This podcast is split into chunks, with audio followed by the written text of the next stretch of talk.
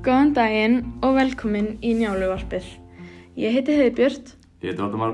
Og ég heiti Margrét. og við ætlum að fjalla um uh, brennujálsögu og fall Gunnars. Gunnar var stórbóndi á hlýðarenda í fljótslíf og oft var hann kendur við bæinn eins og eins og margir þekkjan þá var hann kallaður Gunnar á hlýðarenda. Gunnar, hann var líka mikill bardagamæður og það voru fáir sem að unnan nema þegar hann dó. Hann Gunnar giftist Hallgerði og átti börn með henni. Hún var svolítið skapstórkona. Við ætlum að byrja á að fjalla um hverju eru helstu kvatamenn þess að drepa Gunnar og hvers vegna. Já, sko, helstu kvatamenn þess að drepa Gunnar voru þeir Þorkell Starkaðsson, Þorgir Ótkjelsson og Mörður Valgarsson.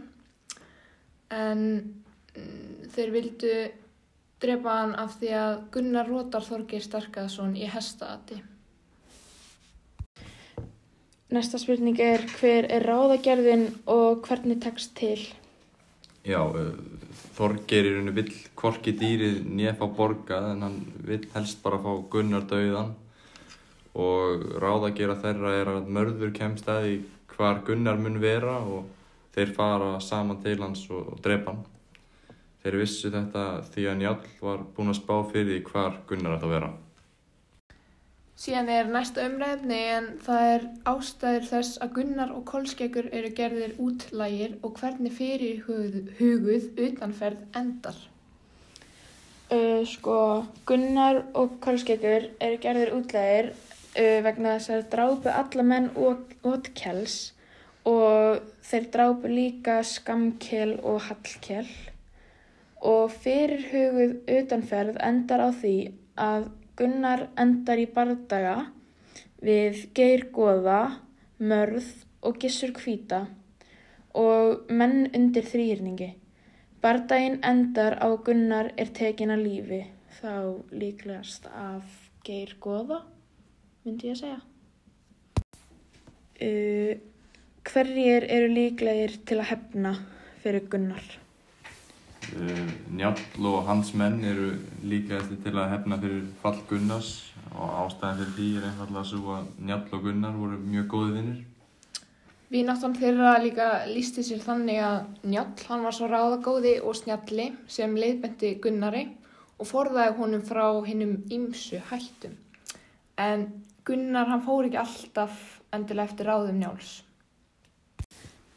Um það sem okkur fannst um fall Gunnars, það var að okkur fannst þetta alveg frekar sorglegt og leitt. Já, það sem að Gunnar var nú svo mikill bardagamæður sko og vann mör, marga bardaga og það komst eiginlega engin upp með að vinna. Nei, akkurat.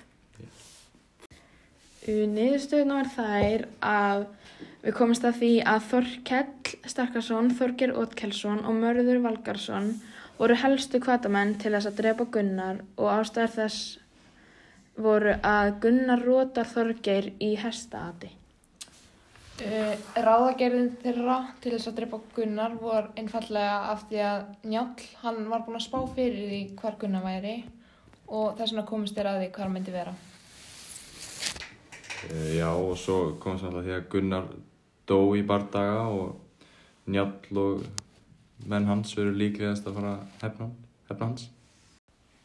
Kæri hlustendur, vonandi hafi notið að hlusta á njáluvarpið og viljið þið segja eitthvað? Bara takk fyrir, það var skemmtilegt. Það var mjög gaman, mikið leflið.